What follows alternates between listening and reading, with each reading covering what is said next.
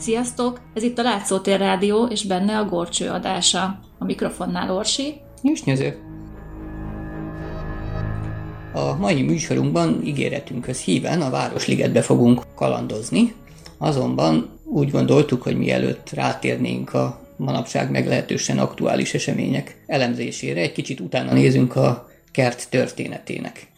Azonban úgy vettük észre, kis kutakodás után, hogy ez eléggé nagy falat lesz ahhoz, hogy beleférjen a aktuál politikával együtt egy adásba.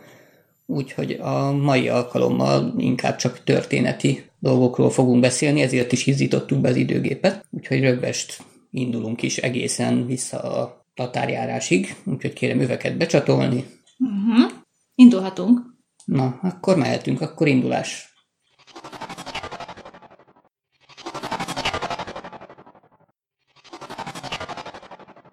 Na, akkor megérkeztünk. A műszerfal szerint 1241-ben vagyunk, úgyhogy akkor ki kéne kászálódnunk innen és körülnézni egy kicsit. Hú, hát a gumicsizmát azt otthon felejtettük. Mert? Hát nézd meg, milyen vizes itt minden. Hát, Esett az eső. Nem tudom, itt ilyen fűzfák is vannak. Ez inkább ilyen mocsaras területnek tűnik. Na hát az a helyzet, hogy itt van, ami patakok folydogálnak jobbra-balra, meg elég mocsaras a környék, és mint kiderült itt a leírásokból az úti könyvben, a Rákos pataknak az egyik ága folyt a 13. században még, és a, ezt a területet, amilyen ligetes, fás, mocsaras terület volt, gyülekezésre használták leginkább a középkori magyarok. Na de kik gyülekeztek itt? Hát ebben az időszakban a tatárok ellen gyűjtötték itt a seregeket.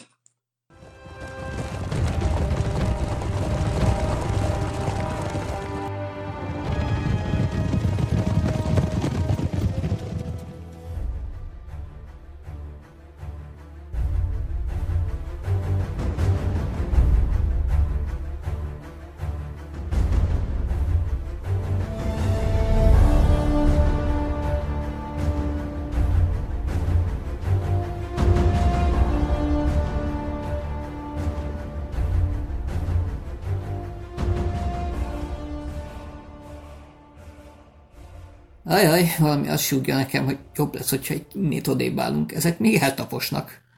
Gyerünk vissza az időgépbe. Na, oké, okay, akkor folytassuk inkább a jelenbe, vagy a múltba, vagy csoda tudja, de inkább otthon a biztonságban. Egyetértek. Meneküljünk Magyarországra. Vissza a hazába.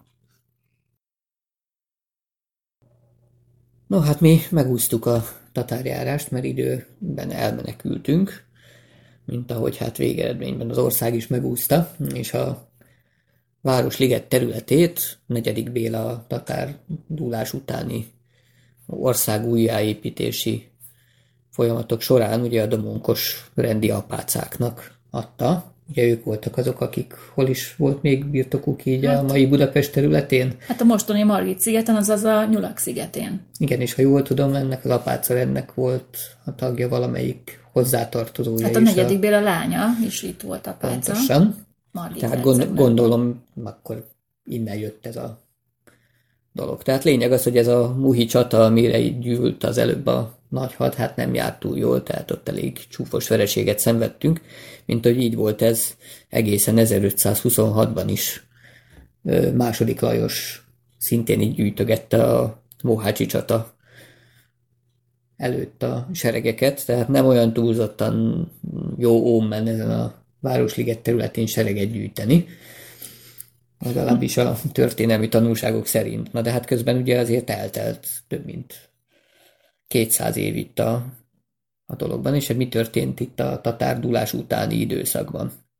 Mert hát, ahogy elnéztem, ez a sereggyűjtés, ez a hatalmas lovas felvonulásokkal, meg meg irdatlan mennyiségű emberrel, azért ez egy elég komoly terhelés egy ilyen területnek, hát nem? Bizony, ez így történt, hogy országgyűléseket is tartottak még azt követően itt elég sokat, úgyhogy itt megjelentek a lovasseregek, ugye letáboroztak emberek, keresztül kasul vágtáztak, és, és vadat hajtottak, és egyebet. Hát gondolom fát vágtak. Fákat is kivágtak, igen, meg lelegeltették, meg minden történt ezzel, ami gyakorlatilag a vegetáció kipusztult, az állat is megritkultak ezen a részen, és az esőzések, az árvizek, ugye a talajpusztítás, és akkor vagy mocsaras volt a terület egy része, vagy pedig homokpusztaság.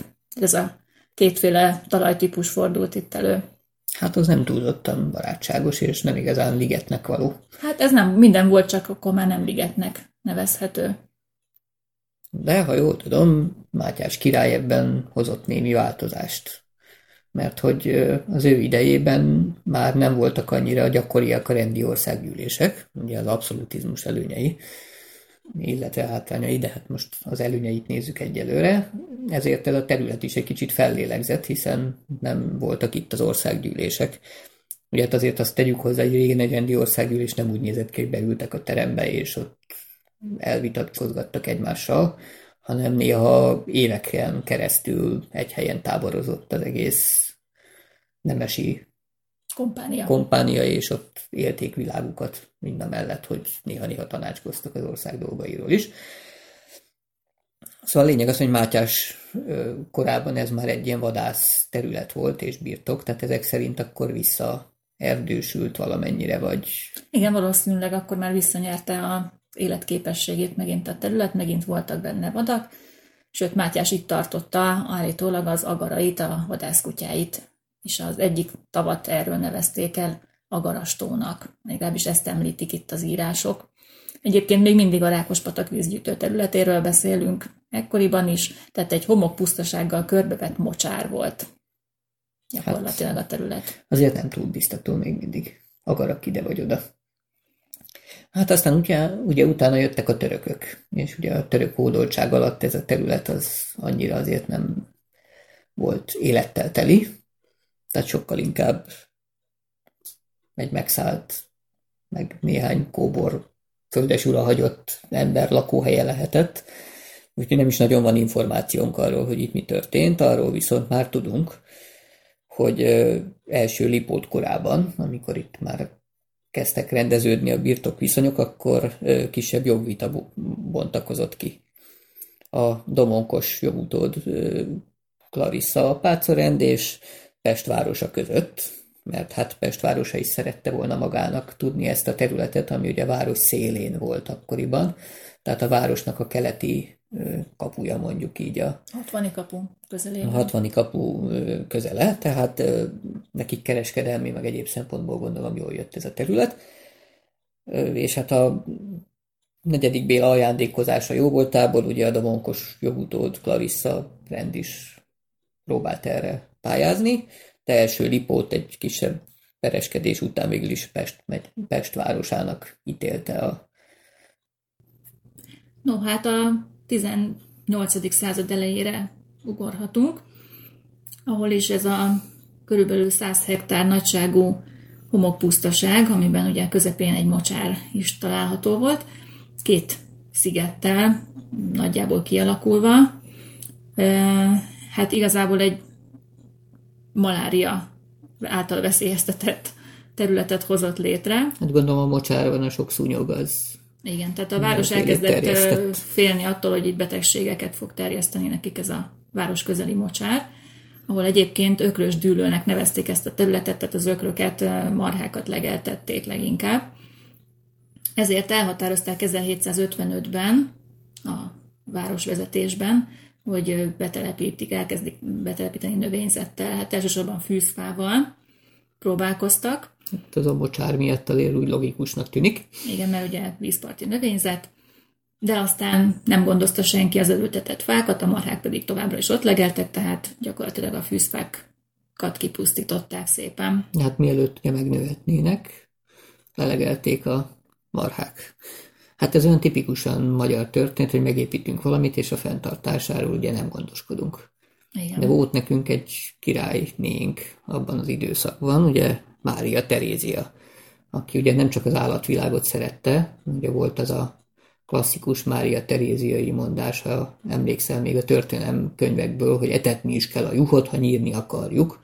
Uh-huh. De az, hogy ezt ő egy kicsit átvitt értelembe értette, tehát hogy hagyják élni a, a népet is, hogyha adóztatni akarjuk. Ez ugye egy kicsit modernebb felfogás, de ő neki nem csak a állatokra voltak ilyen ötletei, meg a, az emberekre, hanem a növényekre is, ugyanis volt neki egy erdőtörvénye, amiben ö, előírta azt, hogy az erdőírtások után újra kell fásítani, és nem csak, hogy újra fásítani kell, hanem azt utána kötelező utógondozni. Sőt, mi több betiltotta az erdőkben való legeltetést is. Hát ennek nyilván azért voltak könös érdekei is, mert gondolom a királyi birtokokon legelő marha csordák azok szintén károkat okoztak. De lényeg az, hogy ez ugye Pestre is vonatkozott volna, ám de hát a Pest környéki polgárság és egyéb az ugye hát bevette a hát mondjuk ilyen pestiesen mondva leszarom tablettát, és hát nem igazán foglalkoztak Terézia rendeleteivel. Második József idejében viszont tettek betartatni ezeket igen. a rendeleteket. Tehát 1785-ben Hülf Farkas Móricz volt a városvezető, és ő elhatározta, hogy ezeket a mocsaras területeket ő csatornázással rendezni fogja, és fásítani is fogja a területet. Hülf pedig megbízta a munkálatokkal Stolc Jánost. Fűzfák mellett akáccal és eperfákkal próbálkozott beültetni a területet. Az akác ugye Eperfákkal? Hát igen, majd mindjárt mondom, mert akáccal, akáccal azért, mert ugye a homokos területet már sikeresen ültették be az Alföldön az akáccal, tehát gondolták, hogy az itt is jó lesz. Az eperfú pedig azért került képbe, mert ő um, Sejem hernyó tenyésztéssel is foglalkozott, úgy mellékesen gondolta, hogy akkor kicsit maga malmára hajtja itt a hernyókat. Há, szóval fusizott a jó ember egy picit.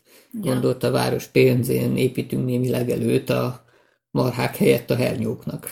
Hát most itt a bökörös dűlő helyett hernyós dűlő is lehetett volna a terület neve. Szóval az eperfák kellettek a sejem hernyó, hernyóknak, és a sejem hernyók által termett termesztett szamurájok. sejem szálakat pedig eladta az ott közelbe létesült sejem fonónak. Uh-huh. Hát akkor ez is egy hasznos volt, ilyen kicsit win-win szituáció, ha belegondolunk. De nem ez lesz az első gazdasági beruházása a Városliget történetében. Uh-huh. És az a jól tudom, ezekből a fűzfákból, amiket ekkor telepítettek, egész sokáig megmaradt mert ugye itt már az erdő mhm. törvényt be is tartatta második József, tehát meg volt a megfelelő utógondozás. Hát az utolsó öreg fűszfa állítólag 1913-ban pusztult ki ebből az időszakból. Hát azért ez komoly. Fűszfa. Tehát... Szóval nem ez volt az utolsó ilyen jellegű beruházása a városnak. És hát 1794-ben volt az első igen érdekes hasznosítási javaslat erre a területre mert ugye eddig csak azért foglalkoztak vele, hogy ne legyen belőle malária járvány, meg mocsáros terület. Viszont hát ha már van egy nem mocsaras területünk, az a kezdeni is érdemes valamit. Azért 1794-ben akkor már Boráros János volt a ö, városnak a bírója, főbírója volt, igaz? Mm. Jól emlékszem, és ő fölvetette, hogy csináljanak ebből a egyébként népszerű ilyen pihenőhelyből egy buli negyedet. Uh-huh. Gyakorlatilag olyan területet, ahol ilyen köztéri parkban jól érezhetik magukat a, az emberek, tehát különböző kikapcsolódási lehetőségeket találnak. Nincs új a nap alatt. Ugye, hát Buli negyed már akkor is kellett volna Pestre. Annyira nincs új a nap alatt, hogy hát szegény boráros hiába próbálkozott, az ő ötleteit azt rendre elgáncsolták, gondolom ellen érdekelt körök. Igen, a városvezetés ekkoriban nagyon sokat vitatkozott erről a területről és annak a hasznosításáról. Szóval ugyan fölvetődött az ötlet, de nem lett belőle semmi. Kis kifli, nagy kifli, szalcstamli, sóskifli, egész friss, megkapható. És rúghatsz is, nyomhatsz is, lökhetsz is, húzhatsz is, mindez oly mulattató. Hintában hintázhatsz, vagy lajtól megfázhatsz, és ha még ez is kevés, Akár célba is lőhetsz, mert ez is egy főhetsz, S a torvás virsli művesél. Hogy a ligetben nagyszerű, hogy a ligetben jó. Cirkusz, mozi és ringlispil, van pedig fejlően és a serhó, hogy a ligetben oly vidám, hogy mulat a nép. Hogyha süt a nap kedves, de esőben nedves lé, a liget de szép. Úgy várom, hogy nyáron majd megjön a párom, és mulatunk jó nagyokat. Mivel kérem a férem, oly lázas a mérem, már számolom a napokat. Bár vélem, hogy télen is törődik vélem, a kedvencem mégis a nyár. Kirepülünk sietve a városligetbe, hol annyi sok élvezet vár. Hát a nagy városliget területéért folytatott marakodás közben került képbe Battyányi József, aki megállapodott a várossal egy egészen érdekes konstrukcióban, hogy ugye ő megkapja használatra ezt a területet, cserébe némi kis fásításért. Hát ugye fizetni azt már nem nagyon szeretett volna érte bérleti díjat, mondjuk olyan nagyon nem meglepő. Viszont hát azt vállalta, hogy ő kiépít, ad fákat a egyéb birtokairól itt a munkálatokhoz, meg levezényli magát a munkálatokat. A város is vállalt azért mindenfélét, ahogy az ilyenkor lenni szokott. Például ö, vállalták azt, hogy kiépítenek egy utat egészen a Városligetig, amit most még ne, nevezhetünk Városligetnek, bár ekkoriban még mindig ez a város erdő néven futott ez a környék, hogy épít egy utat, mégpedig a angol király fogadótól, ami ugye a város szélén volt akkoriban, ki egészen ide a város erdőig. Ez ugye a mai Király utca folytatása a Városligeti Fasor néven ismert, tehát ezek, ezt a fasort ezt már ekkor alakították ki, 1799-es kezdettel. Ugye a Battyányi József birtokáról származó fákkal, és ez volt a ő és a város közötti megállapodás egyik része. Na most amiben ez igazán jó biznisz ennek a Battyányi Józsefnek, az ugye az, hogy a megállapodás kikötötte azt is, hogy 24 év után a város éppen aktuális névértéken megvásárolja tőle az egészet. Tehát ugye megveszi a saját tulajdonát, hogyha úgy jól nézzük, hiszen a tulajdonjogát nem adta el a város, csak bérelte. Tehát ez azért legalábbis 21. század díjas ötletnek tűnik így kívülről. Igen, ez, ez határozottan jó konstrukció volt a Hát talán a városnak is megérte, mert igazából nem akart foglalkozni senki sem a területtel, illetve túl sokan akartak volna nyerészkedni ezen a területen. És akkor azt gondolták, hogy na jó, akkor legyen, történjen is meg valami építés, ne csak mindenki rabolja uh-huh. meg, legeltessenek, meg össze-vissza állapotok legyenek. Az ám, csak hát ez a Batyányi József szegény 1799-ben megkötötte a megállapodást, és még abban az évben meg is halt szegény. És hát ezt az egész bérleti konstrukciót megörökölte Batyányi Tódor. Az öccse. Az öccse, aki hát egy kicsit másképp gondolkozott erről, bár más téren viszont úgy tűnik, hogy egy elég felvilágosult gondolkodású, modern, korá, korához képest ugye modern emberke volt, volt tehát nem lett volna ő egy olyan buta gyerek, csak lehet, hogy ebben nem látta a fantáziát, vagy mást látott benne, és ezért ő elkezdte kitermelni a városligeti fákat, hogy, hogy nem ugye a favágás meg a városliget az úgy látszik elég korai hagyományokkal bír. Addig, és... addig, míg a város megelégelte a szerződés sorozatos felrúgását, és 1805-ben szépen visszavette a Batyányi Tódortól a területet. Igen, hát ez ugye, mint földesúri tulajdonjog elvén ugye ő visszavehette, bár ez a Tódornak se tetszett, úgyhogy próbált felség folyamodványt benyújtani a királyi udvarhoz, de elutasították, úgyhogy a város visszakapta ezt a területet. Igen. Félig meddig kiépítve, azért de hát azért el... voltak itt fejlemények, tehát nem zajlott ez a, a konstrukció, mert amíg itt a fa kitermelt a tódor, azért közben haladtak a munkálatok, hiszen a bátyja József még halála előtt azért megbízott itt mindenféle munkálatokkal különböző embereket. Igen, többek között megbízta Vics Rudolfot, aki neki állt 2000 kubikussal kitermeltetni a, a tómedrét, ami ugye mocsaras volt még mindig. Mármint a mai Városligeti Város, tónak mai a Városligeti tó területén egy 10.000 négyszögölös e, tavat hoztak létre, egy akkora vízfelszínt, benne két szigettel, tehát az a két sziget is úgy képzelhető, hogy csatornák vették körbe a két szigetet, tehát úgy alakult ki a két És sziget. hát a kitermelt földet pakolták És oda igen, föl. a kitermelt földet ugye abból épültek a szigetek. Na, a nagyobbik sziget volt a Mocsár sziget elnevezésű, ami, amin most a, gyakorlatilag a Széchenyi fürdő áll, Mhm. és a kisebbik sziget, ez volt a Drót sziget elnevezésű, ott pedig a most a Vajda Hunyadvára áll. Aha, értem. Az útsorfákhoz pedig már platánokat is használtak az akácok mellett. Ami hát elsősorban díszítő értéke Tehát miatt. már az 1800-es évek elejéről beszélünk, tehát akkoriban platán korszak kezdetén járunk. Uh-huh. Hát szóval azért úgy voltak fejlemények. Azért belegondolva egy tízezer négyszögölnyi vízfelületet kiásni. Ugye szó szerint ásóval és kézi munkával, tehát szó sincs az, hogy oda megy az exkavátor, aztán kikapja, vagy a markoló, hanem azért ez olyan kemény kézi munkával. És a hírek szerint egész jól sikerült ez a tó, hiszen megéltek benne halak, tehát volt aktív élet is benne. Igen, itt halászni is lehetett, tehát ebből is volt a városnak egy kis jövedelme.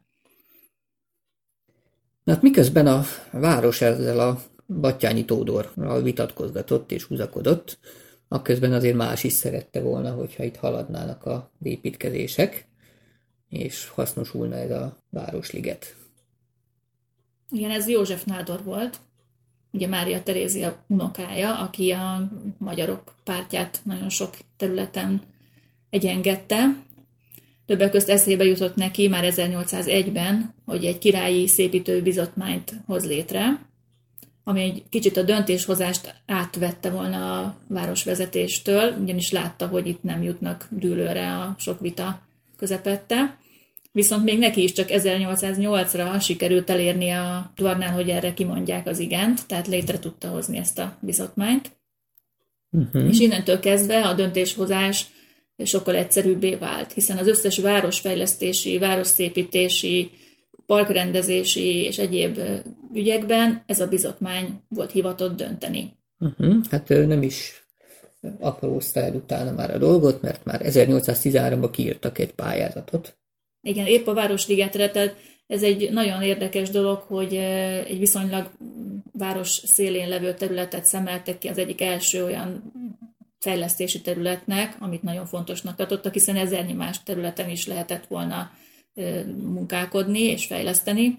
Viszont itt a, gondolta, hogy a, a városfejlesztésnek ez egy nagyon európai és nagyon modern gondolkodás volt, hogy, hogy a városfejlesztésnek az egyik legfontosabb kezdőpontja kell, hogy legyen a zöld felületek rendezése. Tehát, hogy a jólétnek a megalapozása az ott kezdődik, hogy milyenek a zöld felületeink. Hát ez következhet szerintem a nagymamának a előbb emlegetett juhos mondatából. Hogy ugye ő benne is volt egyfajta szemléletmód, hogy ugye foglalkozni kell a nép egyszerűbb képviselőivel is ahhoz, hogy úgymond adóztatni tudjuk őket.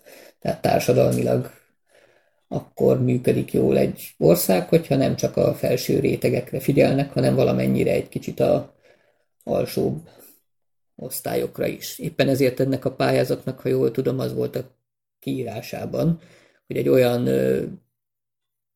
parkot szeretnétek volna kialakítani, ahol a város minden osztálya számára kellemes és hasznos mulatóhely alakuljon ki. Igen, tehát 1813-ban írták ki a pályázatot, és ami nagyon lényeges, hogy Európában, sőt az egész világon az első olyan közpark volt, ami közparknak lett terveztetve, sőt pályáztatva lett. Tehát, hogy ha körülnézünk Európában, lehet, hogy voltak korábbi közparkok, de azért nyitották meg a köz számára, mert ez egy ilyen szükségszerű volt a nagy francia forradalom utáni félelemben és zavaros időszakban, hogy nehogy aztán újabb forradalmak törjenek ki. De itt nem erről volt szó, hanem egy városrendezési elhatározásból alakították ki a közparkot. És, ami, és a pályázatot egy Heinrich Christian Nebbin nevű német hajkú és magát gazdasági tanácsosnak nevező autodidakta kertész nyerte meg. Na, hát úgy látszik, a műkedvelők akkor is lelkesek voltak. Most egy kicsit azért beszéljünk erről a Nembinről, hiszen ő nagyon, ő rakta le a mai Városligetnek a, az alapjait. Igen. Ezzel a tervvel. Tehát ő egy lübeki szabómester fia volt, aki nagyon sokat utazott és világlátott ember volt, és autodidakta módon többek közt Angliában, Olaszországban, Hollandiában, Németországban tanulta a kertészeti mesterséget, és emellett ő egy gazdasági szemléletű emberke volt, akinek jelentek meg mindenféle erdészeti, meg tájszépítészeti témában írásai is. Akkor mondhatnánk úgy is, hogy egyfajta tájépítész volt. Igen, őt neveztetjük, hogy mai értelemben. Mai értelemben vett tájépítésznek is, bár akkoriban még ez a tájépítész megfogalmazás még nem létezett, de gyakorlatilag Valakinek mindig kell kezdeni. Lefette tehát... a tevékenységet, amit egy tájépítész ma uh-huh. végez.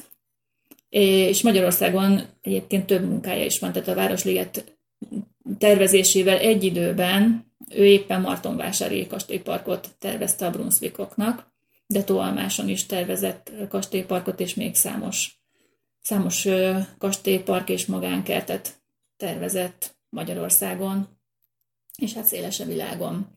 A Városligetet magát három évig tervezte, tehát annyira gondosan előkészítette a tervet, hogy fölmérte a talajviszonyokat, a vízrajzot, az éghajlatot, a növényzetet, tehát mindent, amit, amit most igazából egy tervezési folyamat során meg kell csinálni, azt ő megcsinálta nagyon alaposan és gondosan, és 1816-ra adta csak be a végleges tervet.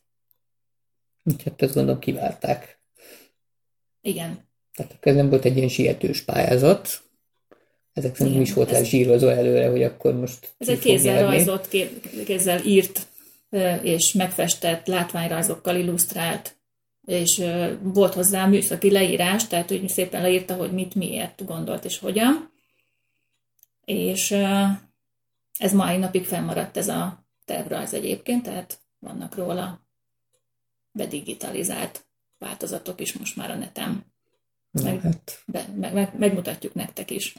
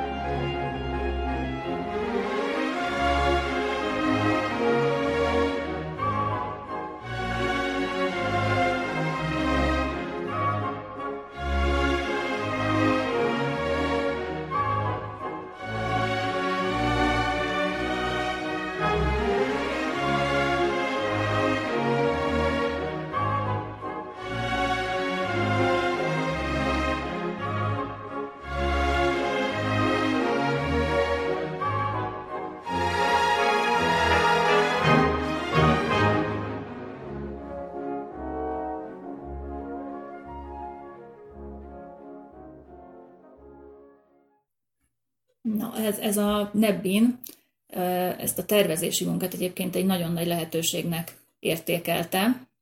Ugye a világ első népkertjét tervezheti meg igazából, tehát ő ezt nagyon is jól felfogta, mint feladatot. Vagy Ezzel is volt ez a...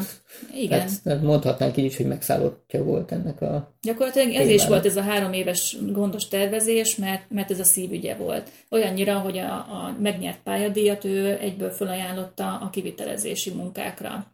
Tehát annyira szerette volna, hogy megvalósuljon az, amit ő oda tervezett. Sőt, és még ha jól tudom, a művezetést is A művezetést is ingyen felajánlotta, igen, hogy aztán a a ültetési és egyéb építési munkákat ő felügyelni fogja, teljesen ingyen, és felszólította ugye a magyar polgárságot és arisztokráciát, hogy ők is adakozzanak a közkertjük javára.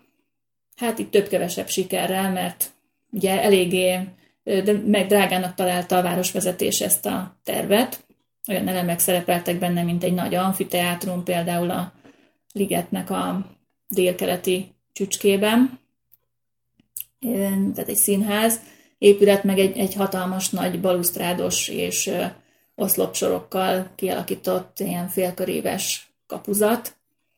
Uh-huh, tehát ez lett volna a bejárat. Ez a, igen, a liget bejárata, ott, ahol a, a rondó is kialakításra került. Uh-huh, tehát a Városligeti fasorral De ezt, ezt egyből azt mondta a városüzetés, hogy ez nem fog beleférni nekik a költségekbe. Tehát a 700 ezer aranykoronából körülbelül 300 ezer aranykoronát irányoztak elő, de hát ennek is irreális volt, hogy ezt valaha is elő tudják teremteni, és ebből, ha jól emlékszem, akkor 45 ezer aranykorona volt az, amit a várostól és a, a nemességtől sikerült kalapozni rá. Ennek a nagy részét, 30 ezer aranykoronát egyébként a város polgárai adták össze, és csak a kisebbik részét adták a nemesek. Tehát a nemeseknek hát abban is nagy részt József Nádor szállt be, ha jól emlékszem, Igen. egy 6000-es Igen, tehát a nemességnek akkor sem volt érdeke, hogy egy közparkba így adakozzon. Hát igen, az úri dőjf, az úri dőjf, most bárhogy nézzük. Tehát a Városligetet, mint tájképi kertet tervezte meg, és két fő részére osztotta, a Tóra és környékére, ami igazából a mai tó, az állatkert területe, a cirkusz területe és a vidámpark területe, és a másik rész a mai ajtósi sor felé eső terület, ami egy ilyen homokos talajú fákkal beültetett rész volt. A tó környéke ugye egy, egy 26 hold nagyságú két szigettel bíró tó volt. A nagyobbik sziget volt a Páva sziget, oda egy híd vitt volna fel a terv szerint, rajta pedig egy tejvendéglő tejvendéglőt képzelt el majorsággal. A tejvendéglőben ugye ilyen tejtermékeket, sajtot, túrot, ilyesmit lehetett volna kóstolni és vásárolni. És a tóból, tó kialakításakor kikerülő tápanyagdús földet azt a homokos részre terítette volna el. Mm-hmm. ezt tervezte ami szerintem meglepően meg, logikus meg gondolkodásmód. Igen, tehát ez egy nagyon-nagyon racionális és mérnöki gondolkodásmód, és a gyepesítést ennek a ráhordott talajszintnek a segítségével hajtotta végre, hiszen a homokban sosem nőtt volna ki szép gyep. Igen, hát így viszont meg volt hova rakni azt az iszapos üledéket, ami összegyűlt a régi tómedernek az alján. Igen. Tehát Gondolom ez... nem gondozták éveken keresztül, ezért azért ott lehetett mit kitermelni. Igen. A kisebbik szigeten pedig egy szoborparkot képzelt a haza nagyjainak a szobraival, illetve volt rajta egy kis cukrászda, meg rózsakert is. De egész aranyosan hangzik. A másik részen, ugye az ajtós üdülelsor felé eső részen pedig egy ilyen meanderező, kanyargós patakmedret hozott létre, és a, a, annak a vize a hattyútóban, egy ilyen piciketóban gyűlt össze. A patak partján pedig mindenféle vízi játékokat képzelt el. Hát akkor gondolt úgymond a fiatalabbakra is. Igen.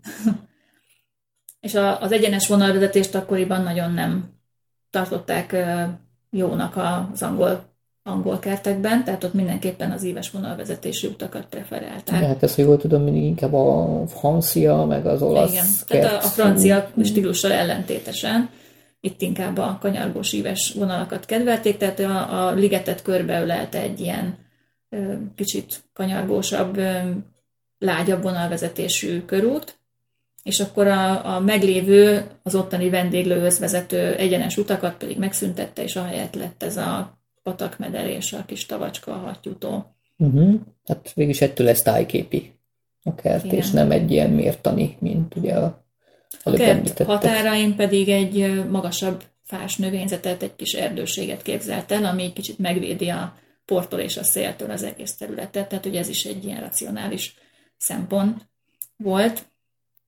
Azon kívül a ligetben elszórtan fás liget, ligetesen, fák, facsoportokat helyezett el, és azt képzelte, hogy ezeknek a facsoportoknak majd lesz gazdája is, tehát hogy megkérte a módosabb családokat, hogy ők ültessenek, ők adományozzanak fákat ehhez a, a fásításhoz, és ők gondozzák majd később, tehát hogy ezek ilyen emlékfás ligetek lettek volna. Ilyen Hát aztán közösségi nem tudom, hogy mennyire- adakozásból jöjjön igen, létre. nem tudom, hogy mennyire haraptak rá, biztos volt olyan is, aki igen, volt olyan is, aki, aki nem.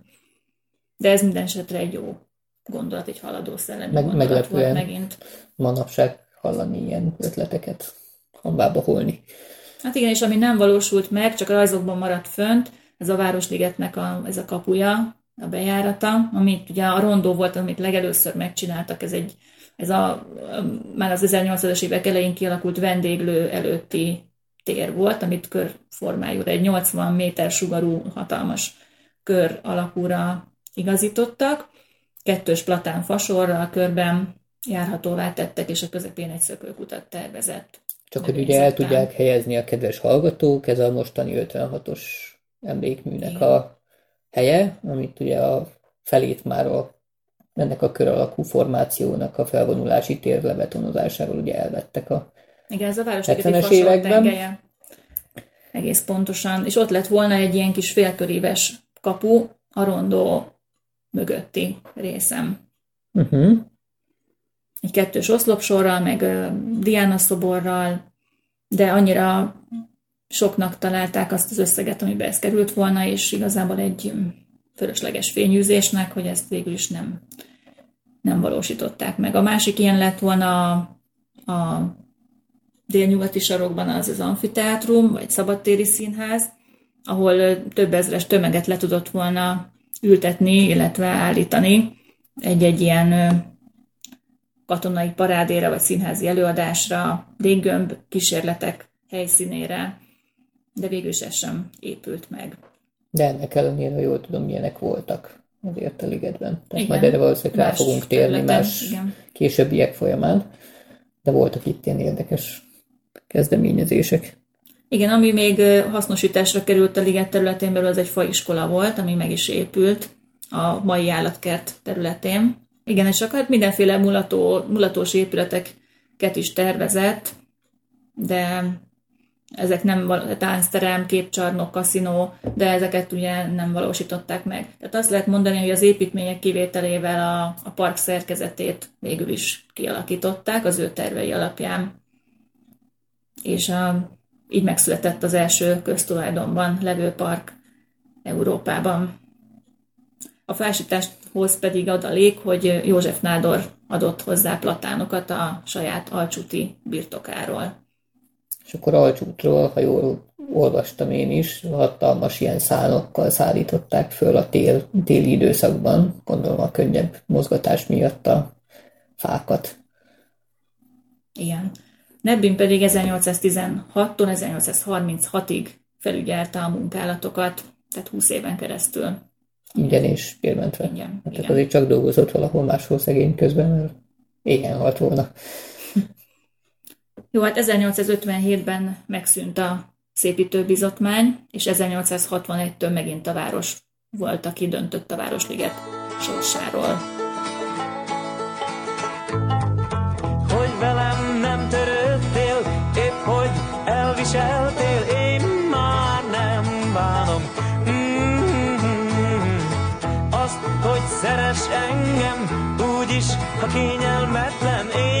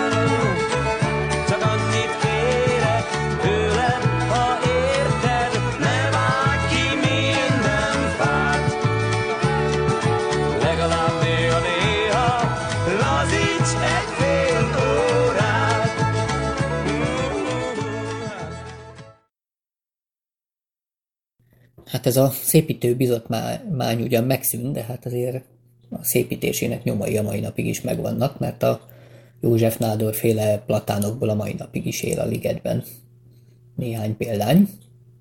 Hát igen, ezek már 200 évesek, akárhogy veszük. Tehát azért mindenképpen értékes és történeti értelemben értékes fák.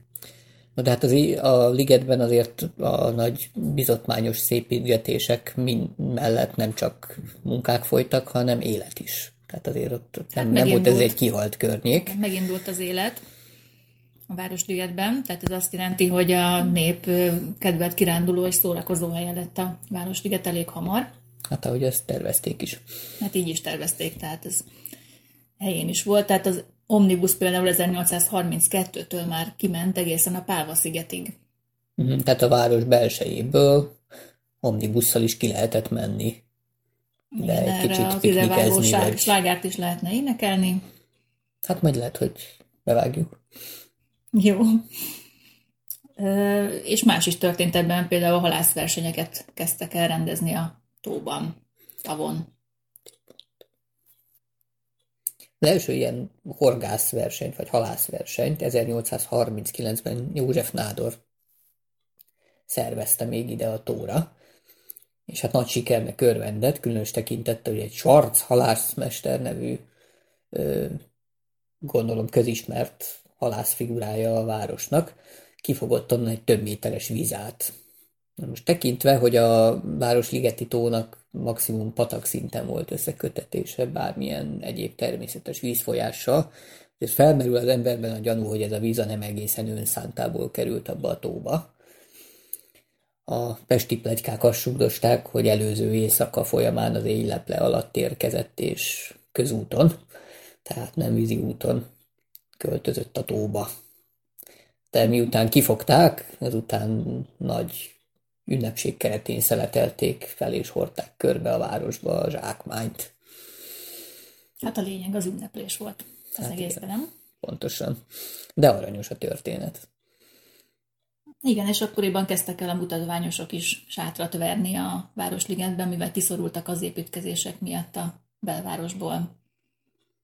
És alkalmasnak mutatkozott például a rondó környéke, amit legelőször fásítottak és hoztak rendbe, hogy oda települjenek körhintáikkal, meg mutatványos bódéikkal. Hát igen, ahol a nép van, oda kell menni ezekkel a bódékkal szórakoztatni őket, úgyhogy ez teljesen logikus. A városnak pedig jó volt, hiszen ezért is bérleti pénzt tudott szedni. Mert ugye ezt az előbb elfelejtettük említeni. Na, igen. Tehát kevesebb pénz állt rendelkezésre a projektre, mint mint amennyi kellett volna, ezért a város kölcsönöket is vett föl, hogy be tudja ezt a parkot fejezni. Amit vissza kellett fizetni neki. Amit hát többek között az ilyen bérleti díjakból, mint meg a, a kocsma üzemeltetési igen, jog, meg egyéb ilyenekből, meg telkek parcellázásából tervezve kifizetni, tehát ezek voltak a bevételi oldalai ennek az egész park történetnek. Bizony, és aztán jött egy nagy árvíz 1838-ban, ami a ligetre is kihatással volt.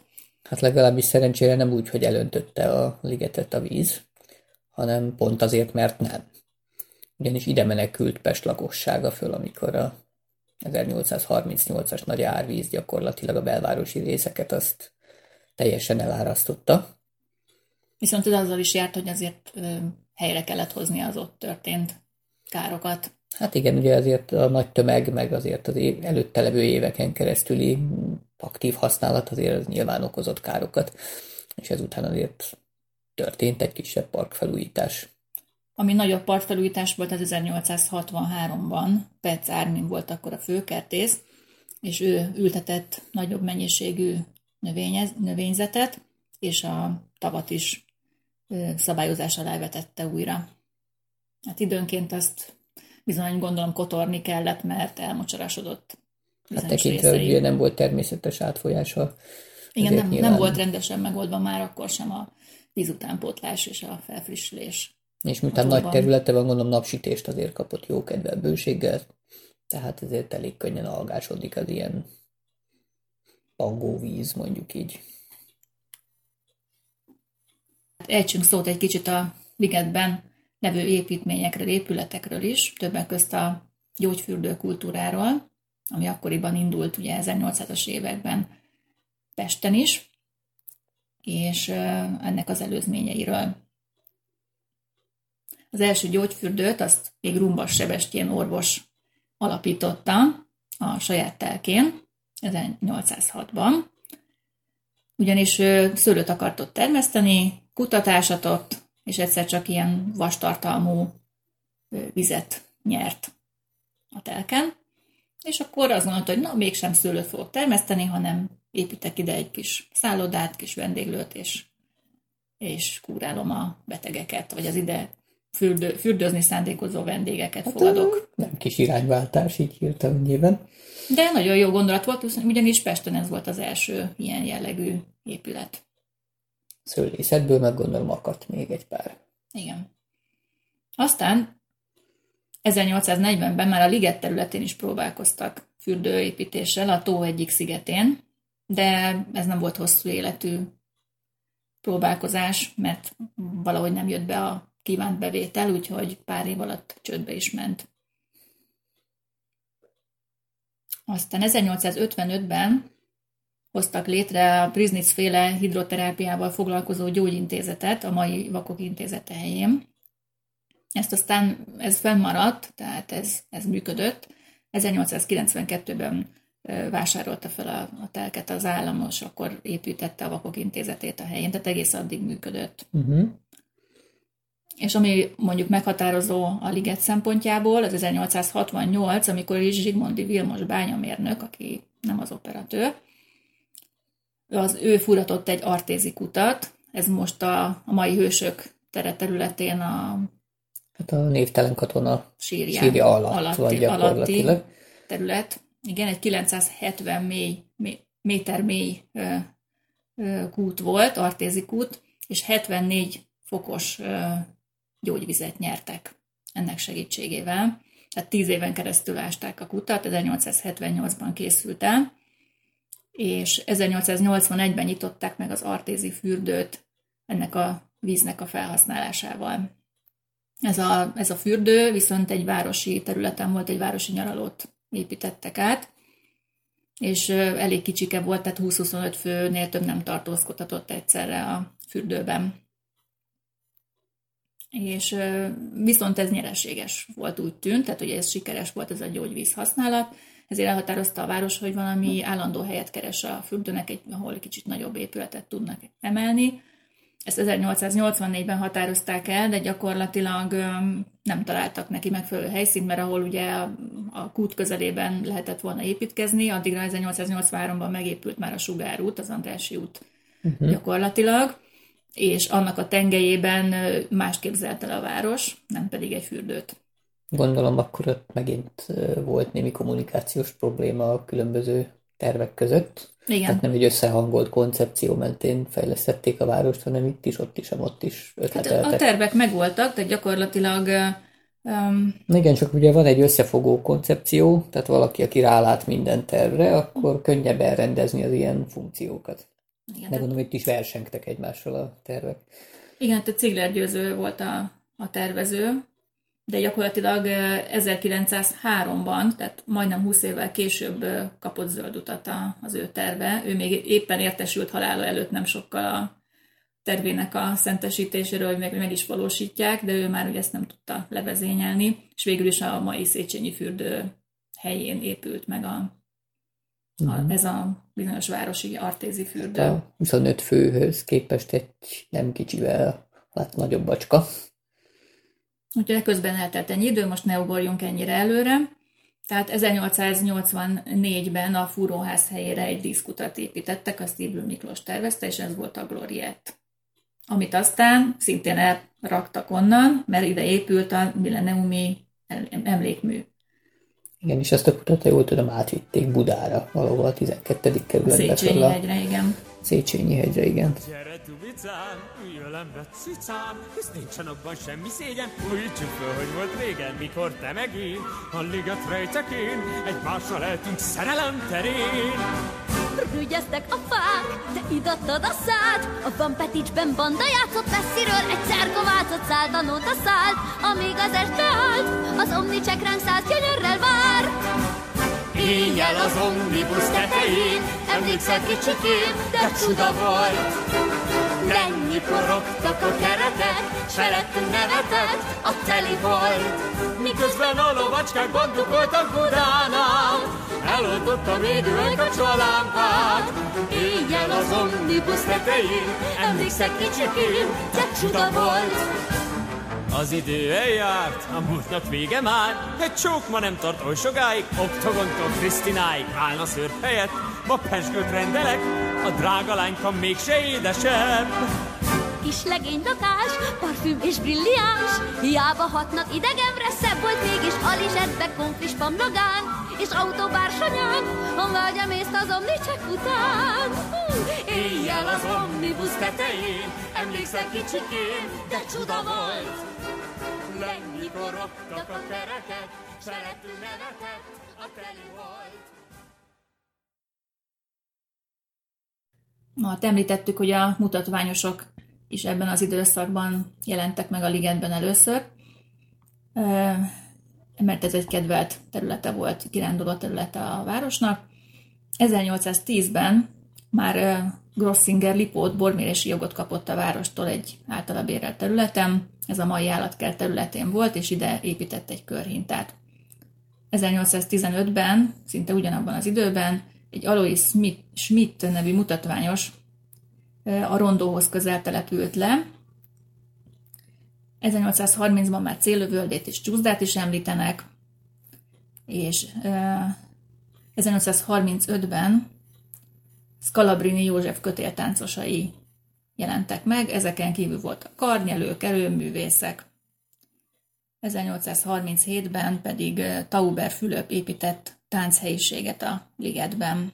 Tehát ezzel megalapozták a, Újjét a ligetben. igen, az újjét. 1838-ban épült meg az első állandónak szánt mutatványos bódé, majd 1860-as évek végén a mutatványosokat átköltöztették a tűzi, tűzijáték térre, ami a uh-huh. mostani Betesda kórházzal van szemben. Hát ezt, ha jól nézzük, a régi Vidám Parknak a A Területe. területe. Igen. Tehát ez a tűzijáték tér sem volt még a végleges helye. Viszont itt már óriás kerék is volt, 5-6 körhintával. Itt volt Barok Aldinak a cirkusza, Hinz Gusztávnak a bábszínháza, tehát elég komoly Uh-huh. építmények voltak, de ezek nem kőépítményeket képzeljünk el, hanem inkább ilyen sátras, könnyű szerkezetes valamiket. És volt valami közmulattatásra szánt útvesztő, vagyis labirintus a hattyútó és a tűzijáték tér között. Tehát ez is engedélyt kapott akkoriban a városvezetéstől. Tehát 1885-ben a világkiállítás tervezése idején kiköltöztették a mutatványosokat a tűzijáték térről. A mai állatkert területén belül kaptak helyet. 1889-ben Wolf Ede, német-holland cirkuszigazgató itt épített egy vasvázas és hullámbádogos cirkuszépületet. Ez, ez lett a mai nagy cirkusznak az elődje. És 1895-ben a városi cirkusz bérletét átadta, átadta a város az állatkert igazgatóságának. Az állatkertről ejtsünk még néhány szót. 1865-ben 30 évre adta, adta bérre be a, egy nagy területet a állatkert részvénytársulatnak a város, ahol 1866-ban meg is nyitották az állatkertet. Petsz Ármin és Rejter Ferenc tervezték az állatkerti nagy tavat. Hát ők rendezték, főleg Petsz Ármin, aki a főkertész volt ekkoriban, az állatkert park rendezését. Viszont az állatkert a kezdeti lelkesedés és sikerek után hát a csőd szélére került elég hamar, mert ugye rájöttek, hogy a népnek nem csak a állatok bemutatása hiányzik, hanem a, igazából a szenzációra vágynak. Ezért elkezdték behívni a mutatványosokat az állatkert területére, és sorsjegyeket árusítottak, még próbálkoztak egy afrikai törzs betelepítésével és mutogatásával is, mint Igen, ez manapság olyan, olyan nagyon morbidul hangzik, ők ott laktak bent a Az állatkert területén, Igen. mint kiállítási tárgy. Tehát ez ugye mai gondolkodásmódunkkal egy kicsit olyan, hát ízléstelennek tűnő dolog. Akkoriban el tudom képzelni, hogy erre esetleg volt vevő. Igen, hát ez a szenzációra éhes emberek, ezért szívesen váltottak belépőt. És sok volt a bérleti díj is, tehát a kezdeti alacsony bérleti díjakat a város egyre emelte, és már nem volt annyira kedvező az állatkertnek csak az állatok bemutatásából élni. Úgyhogy hát ez most, mostanság sem egy annyira jövedelmező üzletág. Hát igen, de nem is feltétlenül üzletágnak kell ezeket adott esetben tekinteni, hanem inkább, inkább közösségi, meg oktatási és egyéb vonalról megközelítve fenntartani. Tehát nem azért fenntartani egy érdekes állatfajokkal tele zsúfolt kertet, mert most ott azt nagy bevételért mutogatni akarjuk, hanem azért, hogy nagy részt megőrizzünk ritka állatfajokat. Tehát az állatkertek világszerte átalakultak ilyen funkcióbővüléssel, Igen, hogy inkább még... megőrző kertek váltak, meg kutatóműhelyekké váltak. Akkoriban ez viszont még ugye szimplán közadakozásból és hát üzleti vállalkozásból. Üzleti vállalkozásból épültek. Persze. A korcsolyázás volt még, ami betelepült a Városligetbe elég hamar, mert ugye volt egy nagy tó, nem amit télen is használni akarta a város lakossága, ugye amikor nem lehetett rajta csónakázni, meg halakat kifogni, ilyen nagy vizákat, meg egyebeket, akkor jöttek a korisok. 1869-ben Kressz Géza alapította meg a Pesti Korcsolyázó Egyletet, és egy évvel később, 1870-ben meg is nyitotta a kapuit a Városligeti Korcsolyapálya. A város ugye átadta ingyen a tó használatának egy részét. Ennek fejében ők egy melegedő épületet építettek ott a város lakosainak, ami ugye fából készült, és pár éven és belül leégett. melegedtek, hogy tüzet raktak. Igen, hát tűzzel fűtötték valószínű a melegedőt, úgyhogy pár éven belül leégett, utána pedig kőből építettek egy másikat Lechnerödön tervei alapján. De ez nem a mostani melegedő épület, mert azt 1895-ben, tehát a világkiállítás idejére építették újra, neobarok stílusban, és akkor újra is szabályozták a tavat egyúttal. Az ezredévi kiállítás előzményeiről és utolzmányairól majd a legközelebbi adásban hallhattok tőlünk. Ugyanis, hát akár hogy nézzük az órát, a Gorcsőnek ebbe az adásába ennyi fért bele, bár a beharangozóban még úgy gondoltuk, hogy el fogunk tudni jutni a 70-es évek, 80-as évek korszakáig. Viszont a világkiállítás szerintem egy akkora falat, amiért érdemes egy külön adást szentelni majd ennek a főleg, témának. Főleg, hogy úgy tűnik, hogy a mai politikai közgondolkodás az inkább azzal a korszakkal azonosul. Hát úgyhogy Szerintem. találkozunk két hét múlva. Figyeljetek minket akkor is, és jó éjszakát, szép hétvégét. Sziasztok! Sziasztok!